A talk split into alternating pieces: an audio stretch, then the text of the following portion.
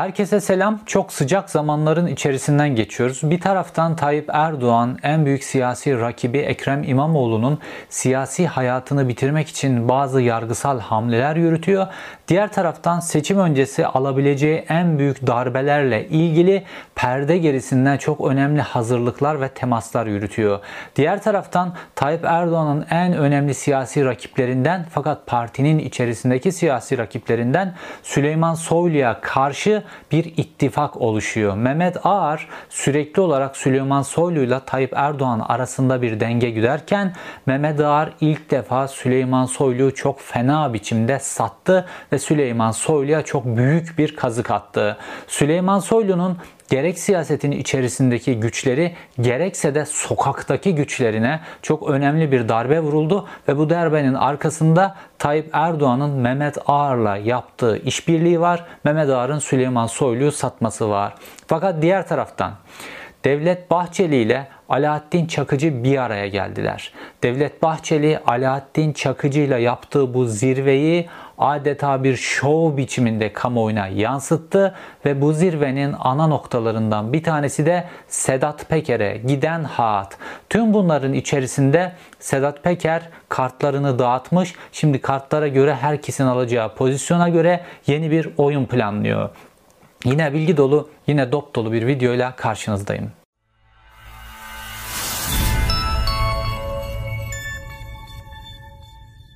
Türkiye'de özellikle sağ siyasetçilerin hepsinin yeraltı dünyasından bazı figürlerle ilişkileri olmuştur geçmişten beri. Mesela Süleyman Demirel böyle İnci Baba diye bir yeraltı dünyasının figürü vardı eskinin çok meşhurlarından. Onu ta Çankaya Köşkü'nde filan bile ağırlardı böyle işte Kürt İdrisler vesaire bunlarla hep bağlantıları vardı. Aynı şekilde bu gelenek aslına bakarsanız Osmanlı döneminden beri geliyor. Osmanlı döneminde işte saraya karşı bazı isyanlarda işte bu İstanbul sokaklarının gücünü elinde bulunduran bu böyle çetevari o döneme göre ilkel böyle mafya yeraltı gruplarıyla ittifaklar olmuştur. Bu Türk siyasetine de sirayet etti. Zaten pek çok şeyi Osmanlı'dan devralıyoruz. Aynı şekilde Tayyip Erdoğan da sokaklara, İstanbul sokaklarına hakim olabilmek için kendi yeraltı dünyası figürlerini, kendi mafya gruplarını oluşturmaya çalıştı. Fakat bunda başarısız oldu. Şimdi baktığımızda Devlet Bahçeli'nin yeraltı dünyasının ünlü figürleriyle irtibatları var. Tayyip Erdoğan'ın bir diğer potansiyel rakibi ve bana göre en büyük potansiyel rakibi Süleyman Soylu'nun yeraltı gruplarıyla ilişkileri var. Fakat Süleyman Soylu kendisine göre böyle tamamen kendisinin oluşturduğu yeraltı grupları da var. Ankara'daki Oyhan, Ayhan Bora Kaplan gibi.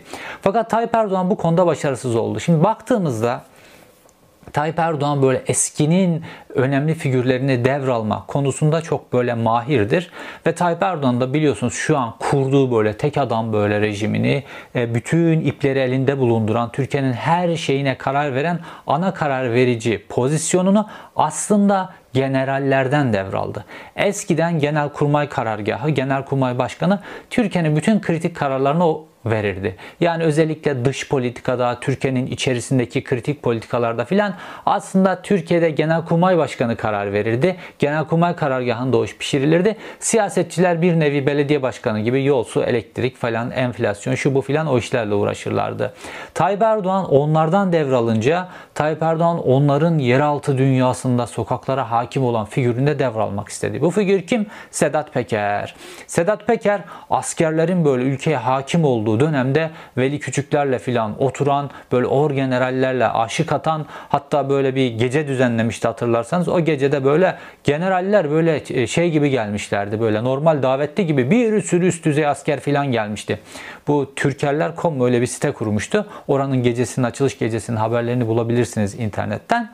Aynı şekilde bu e, Tayyip Erdoğan'ın Avrasyacılarla ittifakıyla birlikte Tayyip Erdoğan Sedat Peker'i de devralmak istedi. Sedat Peker'le Tayyip Erdoğan belli bir süre ittifak ettiler. Böyle 4-5 yıllık bir ittifak sürecinden bahsedebiliriz. Fakat sonrasında ip koptu. Aynı şekilde Tayyip Erdoğan böyle Suriye coğrafyasında da böyle diğer böyle Orta Doğu'daki böyle diktatörlerin kendilerinin paralel böyle silahlı grupları vardır. Böyle işte İran'da Besiç Teşkilatı gibi işte Esad'ın kendi böyle paralel silahlı grupları vardı. Bunlar üzerinden toplumu kontrol eder. istediği gibi provokasyonlar yapardı filan. Tayyip Erdoğan Sadat'ı da bu şekilde kurmaya çalıştı. Çok emek sarf etti. Çok para sarf etti ve Suriye'de de alanda çok tecrübe kazandırdı. Fakat bir türlü Tayyip Erdoğan o Orta Doğu'nun diktatörlerinin sahip olduğu gibi bir paramiliter grup Türkiye'nin içerisinde kurmaya başarılı olamadığı, bu Tayyip Erdoğan'ın mafya grup, kendi mafya gruplarına sahip olmakla kendi paramiliter gruplarına sahip olmaktaki başarısızlığı da çok başlı başına üzerinde durulması gereken bir konu. Bu Tayyip Erdoğan'ın kendi yönetim biçiminin diktatörlükten çok mafya grubuna benzemesi, mafya liderine benzemesiyle ilgili olabilir. Çünkü kendisi bir mafyatik şekilde bir rejim yönettiği için başka mafya gruplarıyla da herhalde anlaşmazlığa düşüyor bir süre sonra. Fakat rakipler öyle değil. Şimdi Süleyman Soylu dediğim gibi 2016 yılından sonra İçişleri Bakanı olduktan sonra Ankara'da kendi yerel mafya liderini oluşturdu. Ayhan Bora Kaplan. Bu adam hiç yoktu yeraltı dünyasında. Torbacı dediğimiz seviyede bir adamdı. Fakat şu an hem para olarak çok büyük bir güce ulaştı. Ulaştı hem de şu an Ankara'daki hakim adam. Yani kim ne derse desin şu an Ankara'daki yeraltı dünyasının hakim adamı kendisi Ayhan Bora Kaplan. Fakat İstanbul Kıbrıs, Türkiye'nin genelinde hakim olabilmek için daha çok böyle aile gibi hareket eden bir grupla hareket etmeniz lazım. İşte Süleyman Soylu'nun burada bulduğu grup Sarallar grubu. Şimdi kendisi gibi Alaaddin İlyas Saral dediğimiz kişi ve bu Sarallar ailesi Süleyman Soylu gibi Trabzon kökenli bir aile. Bu sebeple Süleyman Soylu ile aralarında zaten doğal bir ilişki var. Bu Trabzonlular platformu başkanı var Ahmet. Onun üzerinden filan da böyle zaten ilişkileri var geçmişten beri. Fakat Sarallar grubuyla Peker grubu arasında geçmişten beri böyle gergin, çatışmaya varmayan fakat mesafeli bir ilişki vardır. İkisi de birbirlerine karşı böyle gardları sürekli hazır. Hiçbir zaman çatışma içerisine girmiyorlar. Fakat böyle birbirleriyle mesafeli ve gergin bir ilişkileri vardı. Şimdi burada anlaşılan Süleyman Soylu Saralları tercih etmiş. Sebebi de böyle aile olarak çok geniş olmaları. Fakat Sarallar böyle normalde Sedat Peker gibi böyle aynı zamanda böyle bir politik figür, kamuoyunun önünde böyle medyada vesaire çok görü, görünmeyi seven böyle bir grup değil. Bu da Süleyman Soylu'nun işine geliyor. Çünkü böyle alttan çalışan grup istiyor. Tek figür olarak kendisinin gözükmesi lazım. Bu Sedat Peker'e Süleyman Soylu'nun bu kumpas grup Sedat Peker'i yurt dışına çıkartma sürecinde yaptığı işlerin bu saralların önünü açmakla da ilgisi olabilir. Ve hakikaten de Sedat Peker yurt dışına çıktıktan sonra ve Süleyman Soylu'nun özellikle emniyet teşkilatı üzerinden saralların önünü olabildiğince açmasından sonra sarallar tarihinin en güçlü dönemlerini yaşıyorlar yapıyorlar ve Saralların müzmin rakipleri böyle geçmişten beri rakipleri olan Sedat Şahin de çok uzun zamandır cezaevinde ve e, başka mafya gruplarının e, yararlandığı aflardan Sedat Şahin'i allem ettiler, kullem ettiler, yararlandırmadılar. Sedat Şahin halen cezaevinde. Dolayısıyla Saralların önü çok açık. Fakat geçtiğimiz günlerde Sarallar grubuna yönelik bir operasyon gerçekleşti Haziran ayında.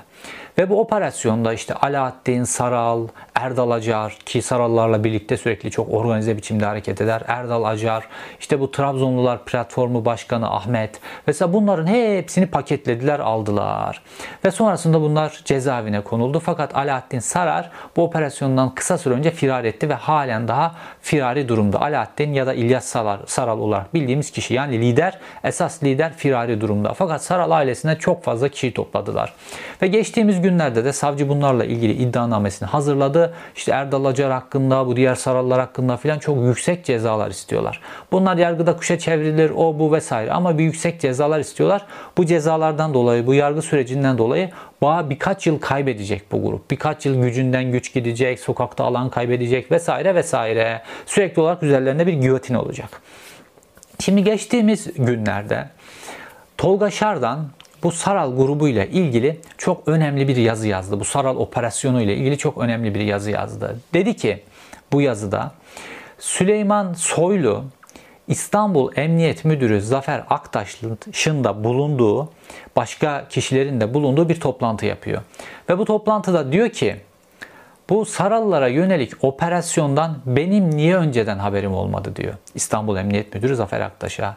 İstanbul Emniyet Müdürü Zafer Aktaş da diyor ki size ne zaman haber verdiysek sızıntı oldu diyor. Ondan sonra Tolga Şardan'ın yazısına göre ortalık buz kesiyor ve ondan sonra Süleyman Soylu toplantıyı bitiriyor. Sonra da Zafer Aktaş'ın aleyhine bazı açıklamalarda bulunuyor. Bazı şeyler söylüyor o yanındakilere. Sonra da Süleyman Soylu bir kararname hazırlıyor. Emniyet Müdürleri kararnamesi. Bu kararnamede İstanbul Emniyet Müdürü Zafer Aktaş'ın görevden alınması yerine de Süleyman Soylu'nun sağ kolu olan Ankara Emniyet Müdürü Servet Yılmaz'ın getirilmesiyle ilgili kararname. Kararnameyi Cumhurbaşkanı Erdoğan'a sunuyor. Cumhurbaşkanı Erdoğan imzalamıyor. Zafer Aktaş'ı görevden almıyor.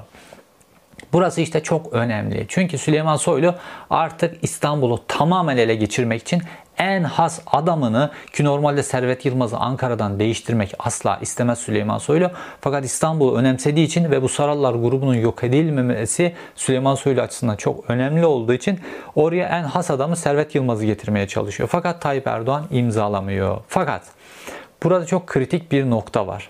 Zafer Aktaş normalde böyle çok böyle bakanlarla vesaire siyasilerle çatışmaya girecek filan bir adam değil. Böyle köşe, köşeye kenara itildiği zamanlar da sessiz kalır. Sonra böyle çok kritik bir noktaya getirdiği zaman da sessiz kalır. Sürekli olarak alttan gider. Fakat Süleyman Soylu açıkça böyle demiş. Ha sonra emniyet bir açıklama yaptı. Bu Tolga Şaldan'ın yasını yalanladılar. Sonra Süleyman Soylu'nun e, müşaviri bir açıklama yaptı İçişleri Bakanlığı müşaviri. Bu da yalanladı. Bir de dezenformasyon yasası diye bir yasa var ya şu an. Bunu dezenformasyon yasasının içine sokup Tolga Şardan'a da bir dava açacaklarını beyan ettiler. Şimdi bu ne demek? Süleyman Soylu bir biçimde Tolga Şardan'ı gözaltına aldırmak, hapse attırmak vesaire bir şey istiyor. Çünkü Tolga Şardan'ı susturabilmesi çok önemli. Çünkü Tolga Şardan emniyet içerisinden son zamanlarda bilgiler yazıyor. E, kritik bilgiler daha doğrusu son zamanlarda yazdığı bilgiler sürekli olarak Süleyman Soylu'yu rahatsız edecek. Fakat Mehmet Ağar'ın emniyetteki ekibinin önünü açacak şekilde bilgiler ve Süleyman Soylu da bundan rahatsız. Şimdi dediğim gibi Mehmet Ağar'la Süleyman Soylu arasında hep bir denge vardı. Mehmet Ağar Tayyip Erdoğan'la Süleyman Soylu bir aynı böyle kefede dengede tutmaya çalışır. İkisiyle de çatışmaya da girmek istemez. Kendi kadrolarına, emniyetteki kendi kadrolarına ikisinin de işlerini gördürür ve çift atı oynardı. Çünkü Süleyman Soylu Tayyip Erdoğan sonrasının en potansiyel adaylarından bir tanesi ve Süleyman Soylu'nun bir şekilde Adalet ve Kalkınma Partisi'nin yönetimini 2021 yılı içerisinde ele geçireceğine ilişkin çok büyük bir inanç vardı Ankara'da. Fakat Sedat Peker faktörü oldu, o oldu, bu oldu filan Süleyman Soylu bu, bu başarıyı elde edemedi. Fakat devrilmedi de Süleyman Soylu. Sedat Peker'e rağmen, pek çok skandala rağmen, pek çok mafya babasıyla, uyuşturucu ile fotoğrafları çıkmasına rağmen devrilmedi. Bu da büyük bir başarı. Bu Süleyman Soylu'nun gücünü göstermesi açısından da başarı. Fakat Mehmet Ağar'ın adamı olan İstanbul Emniyet Müdürü Zafer Aktaş neden Süleyman Soylu ile açıkça ilişkisi olan ve Süleyman Soylu'nun adamı olarak bilinen Sarallara yönelik Süleyman Soylu'dan tamamen gizleyerek bir operasyon hazırladı ve İstanbul Savcılığıyla birlikte bu operasyonu icra edip Süleyman Soylu'nun Sarallar grubunu komple içeriye tıktı. Şimdi bunun nedenini anlamak Mehmet Ağar, Tayyip Erdoğan, Süleyman Soylu arasında ve birazdan Sedat Peker'le ilgili geleceğim mevzudaki dengeleri anlamak açısından çok önemli. Çünkü Mehmet Ağar'ın Süleyman Soylu'yu net biçimde sattığını görüyoruz. Şimdi Tayyip Erdoğan'la Mehmet Ağar arasındaki ilişki çok derine dayanıyor ve Mehmet Ağar'la 2010 yılında Tayyip Erdoğan arasında daha doğrusu 2009'un sonlarında Tayyip Erdoğan arasında bir zirve gerçekleşti. Şimdi baktığımızda böyle Mehmet Ağar işte geçmişte böyle 2007 yılında filan böyle Tayyip Erdoğan'ın karşısında işte askerlerin e, AKP'li birini Cumhurbaşkanı seçtirmeme sürecinde Mehmet Ağar Tayyip Erdoğan'ın karşısındaydı. Fakat Mehmet Ağar o susurluktan dolayı cezaevine girdiğinde ki o cezaevinde kalmadı bile Mehmet Ağar. Oraya girdiğinde o cezaevinin tamamen boşaltılması, cezaevinin Mehmet Ağar için yenilenmesi vesaire bu süreçlerin hepsinde Tayyip Erdoğan Adalet Bakanlığı üzerinden Mehmet Ağar'a yol verdi. Ve Mehmet Ağar o cezaevinde ancak bir ziyaretçisi geleceği zaman önceden söyleniyor Mehmet Ağar geliyordu. Ondan sonra o ziyaretçiyi o cezaevinde karşılıyor. Ziyaretçi gittikten sonra da Mehmet Ağar helikopterine binip Mübariz Mansimov'un helikopterine binip işte Bodrum'da Turgut Reis'te istediği yere gidiyordu. Şimdi bu süreç yani Tayyip Erdoğan'la Mehmet Ağar arasında hep böyle gizliden bir ilişki vardı.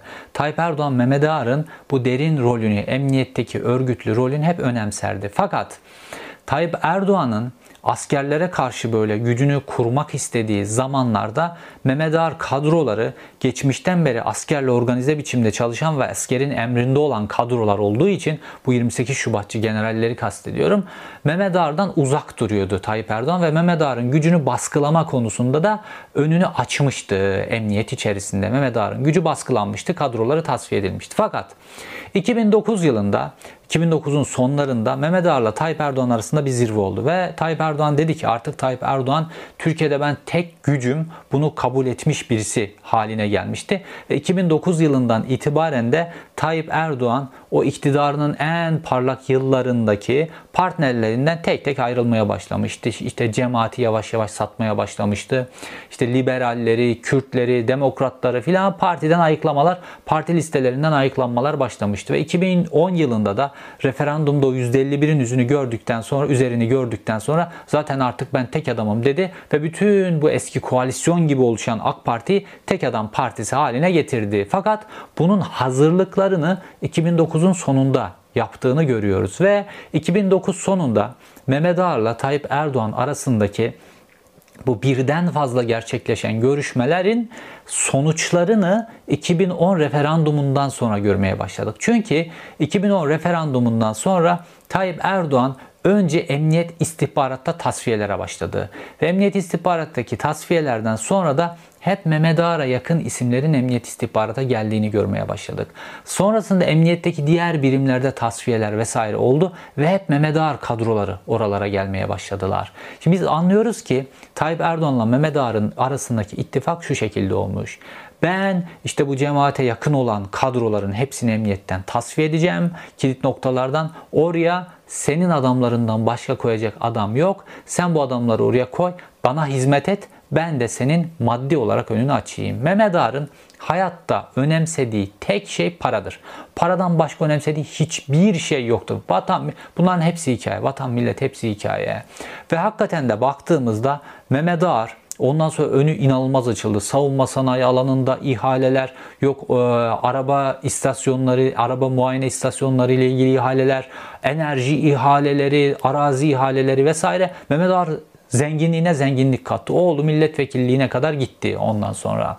Fakat Mehmet Ağar kadroları emniyette yerleştiler. Şimdi bu şu an İstanbul Emniyet Müdürü olan Zafer Aktaş Mehmet Ağar'ın böyle böyle altın çocuklarından bir tanesidir. Ve ta böyle polisliği döneminde Mehmet Ağar'ın böyle komiserliği döneminden itibaren Mehmet Ağar'ın illegal dinlemeler vesaire işlerinde kullandığı adamlardan bir tanesidir. Ve Adana Emniyet Müdürü olduğunda Mehmet Ağar bu işte 2016'dan sonra diyorum Adana Emniyet Müdürü olduğunda Mehmet Ağar girip kendisini ziyaret etmişti ve böyle gövde gösterisi gibi bir ziyaret yapmıştı adeta. İstanbul Emniyet Müdürü olduktan sonra da hakeza emniyet teşkilatında her herkes şu an İstanbul Emniyet Müdürü olan Zafer Aktaş'ın Mehmet Ağar'ın adamı olduğunu bilir. Fakat Zafer Aktaş bu Sarallar operasyonuna kadar Süleyman Soylu ile zıtlaşmamıştı. Normalde Süleyman Soylu İstanbul Emniyet Müdürlüğü'ne kendi adamını getirmek istiyordu. Fakat bunu başaramadı. Fakat Soylu'nun Mehmet Ağar'la da arası çok kopuk olmadığı için Mehmet Ağar'ın bir isminin Tayyip Erdoğan'a yakın bir isimdense Mehmet Ağar'ın bir isminin emniyetin en kritik birimlerinden birisi olan İstanbul Emniyet Müdürlüğü'nde olmasına çok da ses çıkarmadı Süleyman Soylu. Fakat şu an görüyoruz ki bu Sarallar operasyonuyla Zafer Aktaş Süleyman Soylu'yu sattı. Satmakla kalmadı. Süleyman Soylu'ya yakın Sarallar grubuna hatta Süleyman Soylu'nun emrindeki Sarallar grubuna operasyon yaptı. Peki Zafer Aktaş Mehmet Ağar'ı niye sattı? Zafer Aktaş'ın Mehmet Ağar'ı satması daha doğrusu Zafer Aktaş Süleyman Soylu'yu niye sattı? Zafer Aktaş'ın Süleyman Soylu'yu satması Mehmet Ağar'ın Süleyman Soylu'yu satmasından ileri geliyor. Çünkü artık böyle tercih noktasına geldi Türkiye'de herkes. Ve Mehmet Ağar da tercih noktasına gelen isimlerden bir tanesi. Mehmet Ağar ya Süleyman Soylu'nun yanında yer alacak ya da Tayyip Erdoğan'ın yanında yer alacak. bugüne kadar Mehmet Ağar Süleyman Soylu'nun halen daha bir potansiyel olduğunu düşünüyordu.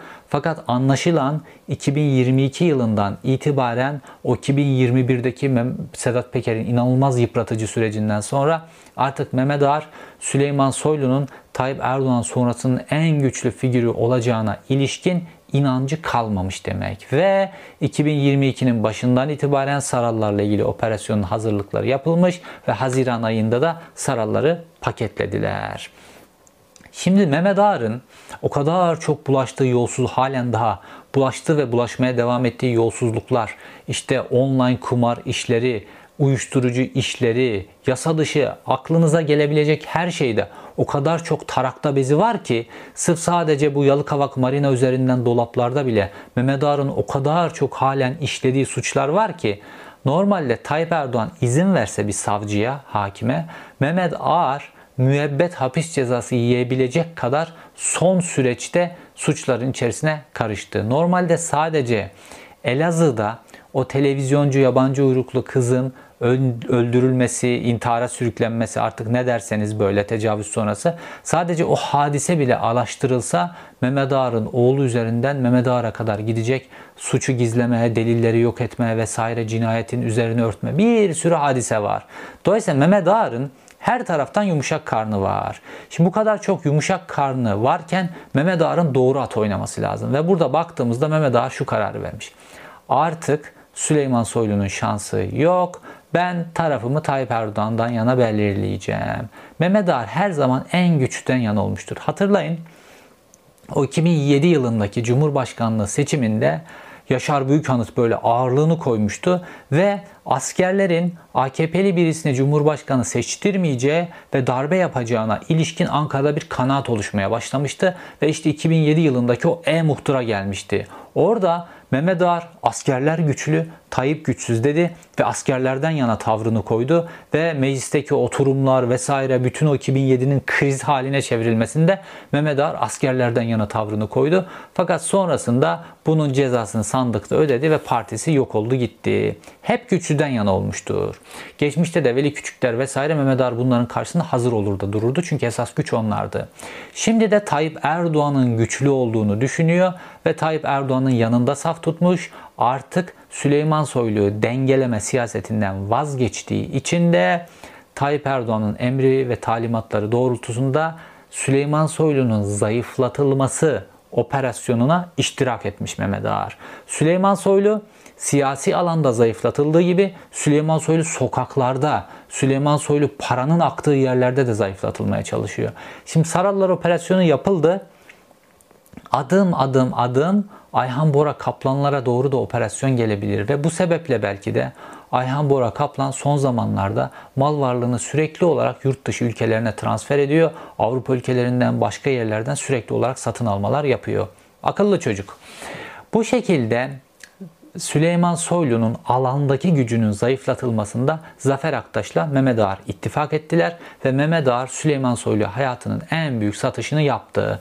Şu an Süleyman Soylu hayatının en zor günlerini geçiriyor. Bakın operasyonlar yapıyor sürekli böyle ufak tefek. İşte KHK'lılar operasyon yapıyor. Ona bunu onları çıkıyor. Televizyonda böyle cafcaflı cafcaflı biçimde anlatıyor filan. İmajına sürekli yatırım yapıyor filan. Karakolları ziyaret ediyor bu filan çırpınıyor şu anda Süleyman Soylu.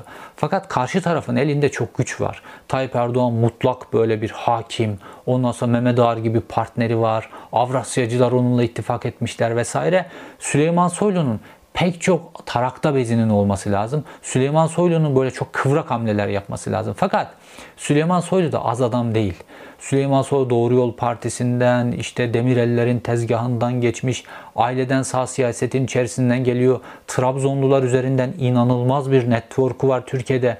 Türkiye'de böyle baktığınızda Kimi saysanız şu andaki figürlerden hepsi Trabzonlu çıkıyor. Sedat Peker'e bakıyorsun Trabzonlu, Sarallara bakıyorsun Trabzonlu, Süleyman Soylu Trabzonlu, Ekrem İmamoğlu Trabzonlu. İnanılmaz güçlüler yani. Bütün alternatifler Trabzon'a çıkıyor neredeyse. Dolayısıyla Süleyman Soylu kuvvetli.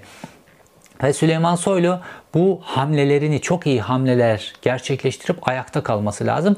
Burada da en büyük avantajlarından bir tanesi Devlet Bahçeli ve Devlet Bahçeli'nin beyni olan şu an danışmanlığını yapan eski MİT müsteşarı Şenkal Atasagun. O ikili halen daha Süleyman Soylu'dan desteklerini çekmemişler. Ve bu satış sürecini Sedat Peker üzeri vesaire bunların üzerinden de okuyacağım birazdan. Şimdi gelelim Süleyman Soylu'nun arkasındaki bu destekçi Devlet Bahçeli ve Şenkal Atasagun'un son zamanlarda yaptıkları büyük bir temasa. Bu temas Alaaddin Çakıcı ile Devlet Bahçeli arasında gerçekleşti. Fakat geçmişteki temaslardan farklı olarak bazı sembolik mesajlar verildi kamuoyuna ve bu temasın, bu toplantının içeriği Sedat Peker'i de Sedat Peker'in yakın geleceğini de çok yakından ilgilendiriyor. Alparslan Türkeş'in vefat etmesinden sonra Devlet Bahçeli'nin Alparslan Türkeş'ten farklı bazı yaklaşımları oldu. Ve Devlet Bahçeli parti yönetimine geldikten sonra bu böyle yeraltı dünyasından figürleri böyle eski böyle hafif mafyatik diyebileceğimiz ülkücüleri, böyle şiddete meyilli ülkücüleri vesaire bunların hepsini partiden temizleyeceğiz diye bir karar aldı. Fakat bunları temizlediğinde bunların Devlet Bahçeli'ye yöneltebileceği şiddet var ve Devlet Bahçeli bu şiddeti de engelleyebilmek için ülke ocakları başkanlarıyla böyle mevcut ve eski ülke ocakları başkanlarıyla bir ittifak içerisine girdi böyle böyle efsanevi ülke ocakları başkanlarıyla ittifak içerisine girdi ve hakikaten de partiyle bu şiddet arasında bir bağlantı kurdu, bir baraj kurdu. Ve nihayetinde baktığımızda Devlet Bahçeli'nin iktidarındaki ta 1997 yılından beri genel başkan, Devlet Bahçeli'nin genel başkanlığı döneminde çok uzun yıllar boyunca ülkücülerin böyle bir şiddet olaylarının içerisine doğrudan karışmadığını görüyoruz. Fakat yıllar ve yıllar boyu bu politikayı devam ettiren Devlet Bahçeli son yıllarda aniden tam tersi politikalar gütmeye başladı. Ve o zaman bütün bu işte böyle yeraltı dünyasından filan diye gördüğü isimleri partiden uzak tutmakta kullandığı ülke ocaklarının o dönemki başkanlarını bu sefer hepsini partiden uzaklaştırdı. Onların yerine eski kadrolar gelmeye başladı. Peki Devlet Bahçeli'deki bu değişim ne zaman başladı? Devlet Bahçeli'deki bu değişim son yıllarda eski MİT müsteşarı Şenkal Atasagun'un Devlet Bahçeli'nin danışmanı olmasıyla birlikte başladı. Şenkal Atasagun Devlet Bahçeli'nin danışmanı olma sürecinde iki şey yaptırdı Devlet Bahçeli'ye. Bunlardan bir tanesi Adalet ve Kalkınma Partisi ile ittifak kurmalıyız fikrinin mimarı Şenkal Atasagun'dur. Çünkü iktidarın nimetlerinden faydalanmalıyız ve iktidarla bizim kuracağımız ortaklık iktidarın politikalarını bizim istediğimiz çizgiye çekecektir.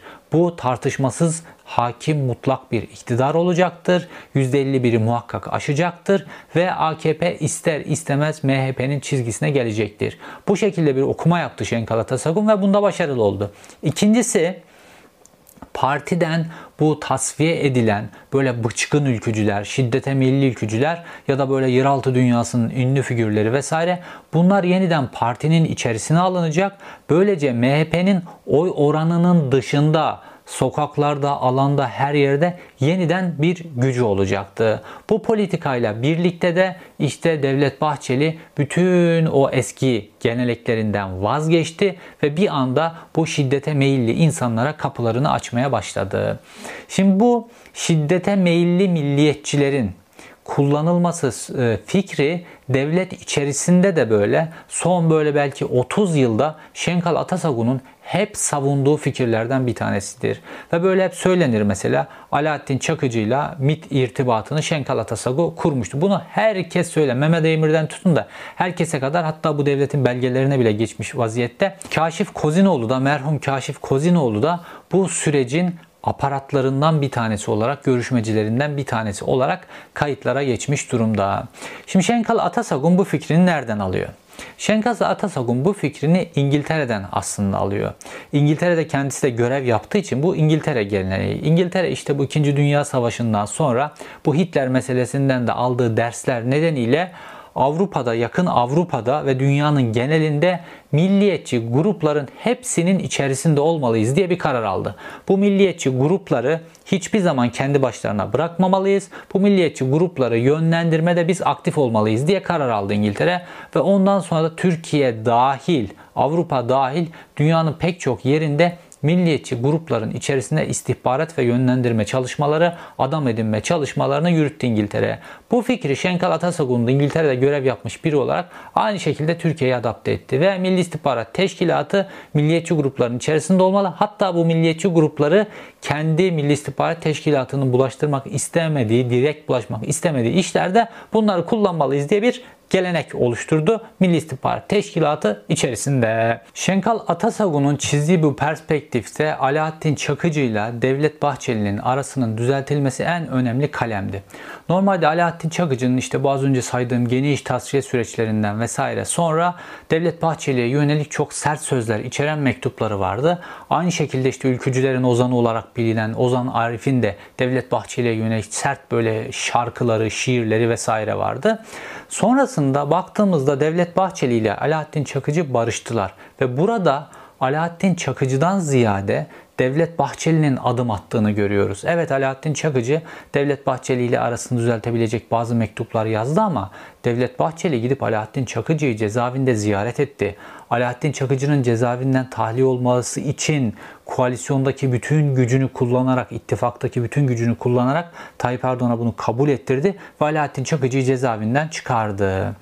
Ve geçtiğimiz günlerde Alaaddin Çakıcı ile Devlet Bahçeli arasında bir zirve gerçekleşti. Ağustos ayının sonunda. Alaaddin Çakıcı bu ziyarete giderken yanında Vahap Kayırıcı'yı da götürüyor. Ve Sedat Bozkurt'un anlattığına göre, gazeteci abimiz Sedat Bozkurt'un anlattığına göre bu ziyarette bir pazarlık gerçekleşiyor. Şimdi bu pazarlığın sadece bir yönünü anlatmış Sedat Bozkurt fakat Ankara kulislerinde konuşulan başka bir yönü daha var. Şimdi Alaaddin Çakıcı diyor ki Vahap Bey milletvekili olmak istiyor ve Devlet Bahçeli'den Vahap Bey milletvekili olmasını istiyor. Fakat İstanbul'da Devlet Bahçeli de Çorum'da milletvekili olabileceğini kabul ediyor. Sonra da Vahap e, Kayırcı gidiyor Çorum'da milletvekili adaylığını ilan ediyor. Çalışmalara başlıyor kendisine göre. Fakat Devlet Bahçeli'nin Alaaddin Çakıcı'dan da isteyeceği bazı şeyler var. İşte burada Sedat Bozkurt'un anlattığı olay şu şekilde. Konu Sedat Peker. Sedat Peker'le Alaaddin Çakıcı arasında bir sulh durumu, daha doğrusu bir centilmenlik anlaşması durumu söz konusu. Çakıcı'yla Peker arasında bir gerilim olduğu böyle gizli bir şey değil. Aralarında ciddi bir gerilim var. Çünkü Türkiye'nin en büyüğü olmada ikisi de potada. Potada olan iki grup. Fakat aralarında bir çatışma söz konusu değil. Fakat Çakıcı sonuçta Sedat Peker'den büyük ve yaşayan en büyük ülkücü olarak bilinen kişi. Fakat Sedat Peker kendisini hiçbir zaman ülkücü olarak tanımlamasa da ülkücülerle hiçbir zaman problem içerisine girmiş bir adam değil. Şimdi Sedat Peker'in seçimden 2 ay önce bu yayınlayacağını duyurduğu ve söz verdiği videoları yayınlamamasıyı Tayyip Erdoğan açısından en öncelikli konulardan bir tanesi. Videonun başında da söylediğim gibi Tayyip Erdoğan için öncelikli konulardan bir tanesi bir şekilde ya Millet İttifakı'nın Ekrem İmamoğlu'nu aday göstermemesi ya da Ekrem İmamoğlu'nun bu yargısal dümenlerle adaylığının önünün kesilmesi meselesi. İkincisi de Sedat Peker'in seçimden 2 ay önce bu yayınları yapmaması meselesi. Şimdi kim bu yayınları yaptırtmazsa Sedat Peker'e, kim Sedat Peker'i bu yayınları yapamaz hale getirirse ya da Sedat Peker'i bu yayınları yapmamaya ikna ederse o kişi Tayyip Erdoğan'ın gözüne inanılmaz biçimde girecek. Ve Tayyip Erdoğan da bu yayınların yapılmamasıyla ilgili her yolu deniyor. Birleşik Arap Emirlikleri ile kanlı bıçaklıydılar. Birleşik Arap Emirlikleri'ni 15 Temmuz'a 10 milyar dolarla finansör olmakla suçluyorlardı. Tayyip Erdoğan Birleşik Arap Emirlikleri ile ilgili bütün bu suçlamaları yaladı yuttu ve şu an Birleşik Arap Emirlikleri ile resmi gazetede yayınlanan anlaşmalar filan her şeyi çözdü. Bu şekilde Birleşik Arap Emirlikleri üzerinden Türkiye'nin dış politikasında tavizler vererek Sedat Peker üzerinde baskı kurmaya çalışıyor. Bu baskıda başarılı oldu. Fakat söylenene göre Sedat Peker bu videoları zaten çekmiş bu videolar güvenli yerlerde duruyor ve Sedat Peker Dubai'den çıkartılsa da çıkartılmasa da ne olursa olsun bu videolar o tarihlerde yayınlanacak. Bunun yayınlanmama garantisi Tayyip Erdoğan açısından henüz alınmış değil. Bu yüzden Tayyip Erdoğan Devlet Bahçeli nezdinde de bazı girişimler yapıyor. Ve Alaaddin Çakıcı Sedat Peker'i arayıp Sedat Peker'i bu videoları yayınlamamaya ikna ederse Devlet Bahçeli bu işi çözmüş adam olarak ittifak içerisinde inanılmaz güçlenecek. Artı Devlet Bahçeli'nin ve ülkücülerin, MHP'nin bu iktidarı kaybetme lüksleri yok.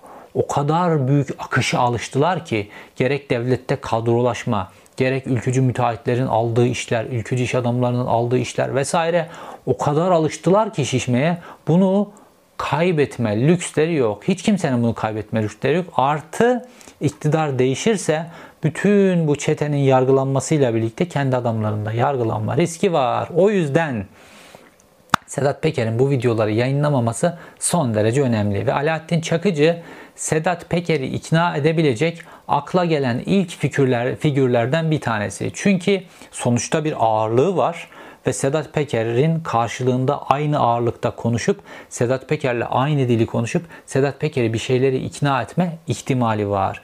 Ve Devlet Bahçeli Alaaddin Çakıcı'dan bu konuda devreye girmesini istiyor.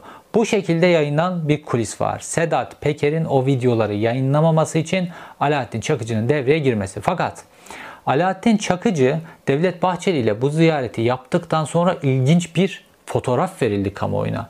Alaaddin Çakıcı yürüyor. Devlet Bahçeli Alaaddin Çakıcı'nın koluna girmiş. Alaaddin Çakıcı asansöre kadar uğurluyor. Devlet Bahçeli hiç kimseye bunu yapmaz.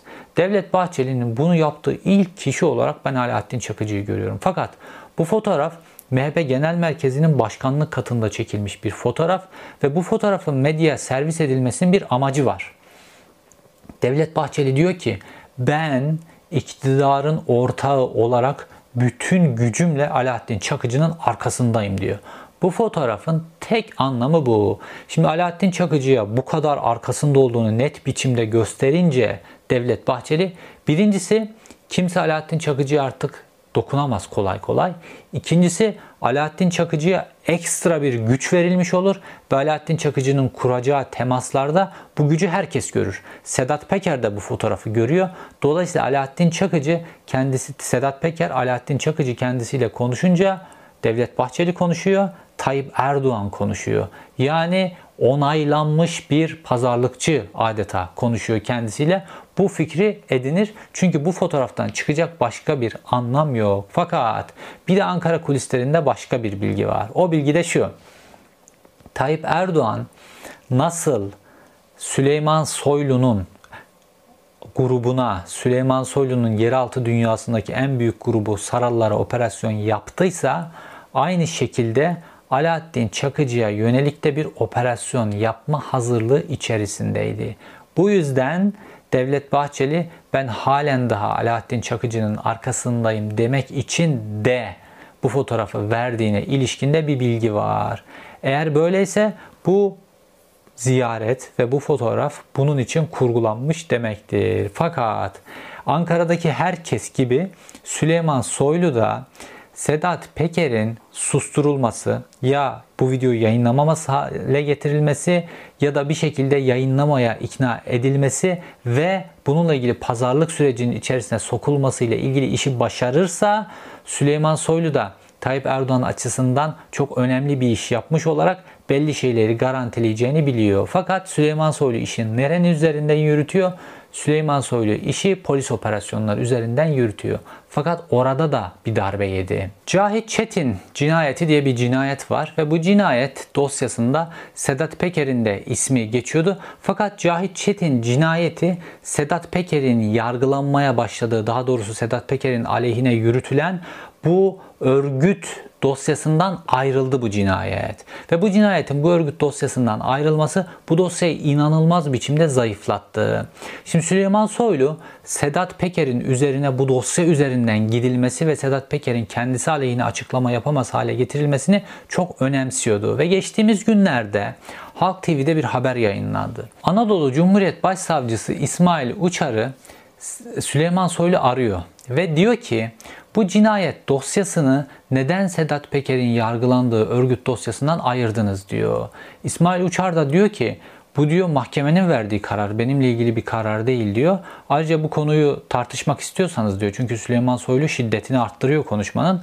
Bu konuyu tartışmak istiyorsanız beni değil muhatabınız olan Adalet Bakanı'nı arayıp bunun üzerinden gelmeniz lazım filan diye bu şekilde bir şey söylüyor. Şimdi eğer Sedat Peker'i bir biçimde konuşamaz hale soksaydı Süleyman Soylu, bu dosyayı yeterince büyütebilseydi ya da Sedat Peker'in aleyhine olan hazırlıkları, Sedat Peker'in aleyhine olan dosyayı Sedat Peker'i hakikaten kıstıracak hale getirebilseydi ve Sedat Peker seçimden 2 ay önce bu videoları yayınlayamayacak hale gelseydi bu Süleyman Soylu'nun lehine olduğu gibi bunu başarmış bir bir Süleyman Soylu'yu Tayyip Erdoğan'ın gözden çıkarması çok mümkün olmayacaktı. Gördüğünüz gibi koalisyon ve hükümet içerisindeki dengeler de enteresan biçimde Sedat Peker'in susturulması, bir pazarlık masasına oturtulması ya da ikna edilmesi üzerinden yürüyor. Hem Devlet Bahçeli tarafı bunu bu şekilde yürütüyor, hem Süleyman Soylu tarafı bunu bu şekilde yürütüyor. Fakat Tayyip Erdoğan hem Süleyman Soylu'yu şu an İçişleri Bakanı olarak tutarken hem Devlet Bahçeli ile şu an ittifakını devam ettirirken aynı zamanda da bunların belli bir güç potansiyeline çıkmaması için bunların gücünü kırarak yavaş yavaş bunları darbeleyerek bu şekilde gidiyor kendisini en büyük tek güç sahibi olarak tutabilmek için ve son zamanlarda özellikle Süleyman Soylu'nun kuvvetlenmesinden de Devlet Bahçeli'nin ve ülkücülerin devlet içerisinde çok kuvvetlenmesinden de rahatsızdı. İşte burada baktığımızda kırıcı olarak bu, bu buz kütlelerini adeta kırıcı olarak Tayyip Erdoğan'ın Mehmet Ağar'ı kullandığını görüyoruz. Mehmet Ağar'ın polislerini kullandığını görüyoruz.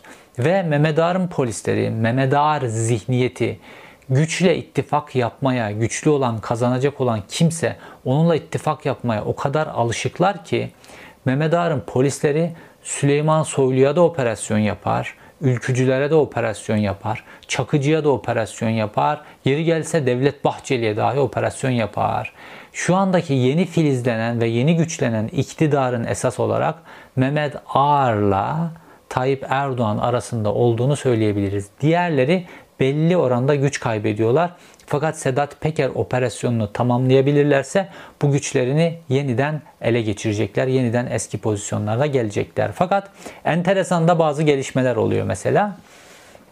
Mehmet Ağar'ın son zamanlarda böyle ekonomik gücüne güç katmasındaki en büyük unsurlardan bir tanesi de baktığımızda Sedat Peker olduğunu söyleyebiliriz. Bu yanlışlıkla Sedat Peker'in hesaplayamadığı bir şey oldu ama böyle bir sonuç verdiğini görebiliriz. Şimdi Halil Falyalı'nın böyle isminin çok ortaya çıkartılması, ortaya dökülmesi meselesini Sedat Peker başlattı. Böyle kamu hiç Halil Falyalı'yı bilmezken Sedat Peker bir anda bütün ışıkları Halil Falyalı'nın üzerine tuttu ve bütün kamuoyu Halil Falyalı'yı tanıdı. Ondan sonra Halil Falyalı'da çok büyük para olduğu, online kumar siteleri, o bu vesaire vesaire. Bunların hepsi ortaya döküldü ve belki de Halil Falyalı'nın infaz sürecini hızlandırmış oldu istemeden Sedat Peker ve nihayetinde Halil Falyalı ortadan kaldırıldı. Bu Sedat Peker'in yaptığı bir iş olarak söylemiyorum. Yaptırdığı ya da neden olduğu demiyorum. Fakat bu Halil Falyalı'ya yönelik bir şey zaten yapılacak olacaktı. Sedat Peker bu süreci bu dikkat çekmeyle hızlandırmış olabilir. Fakat Halil Falyalı alandan çekildikten sonra Halil Falyalı'nın o ağını eşi yürütmeye çalıştı. Bütün online kumar siteleri, kazinolar, onlar bunlar filan. Fakat eşinin çok üstünden kalkacağı bir iş değil ve Halil Falyalı'nın yönetimindeki bu yasa dışı kumar siteleri çok önemli biçimde yağmalandı. Ve bu yağmadan en büyük payı alanında Mehmet Ağar olduğunu görüyoruz. Yani Sedat Peker derin Mehmet diyerek Mehmet Ağar'a bu kadar yüklenirken istemeden de Mehmet Ağar'ın önünü Kıbrıs'ta açıp Mehmet Ağar'ın parasına para katmasına neden oldu. Yeraltı dünyasında, siyaset dünyasında yeraltı dünyasıyla siyaset dünyasının ilişkilerinde inanılmaz hızlı zamanlardan geçiyoruz. Fakat hepsinin dönüp dolaştığı noktanın son zamanlarda Sedat Peker'in seçimden 2 ay önce yayınlamaya söz verdiği kasetler etrafında olduğunu görüyoruz. İzlediğiniz için teşekkür ederim. Bir sonraki videoda görüşmek üzere.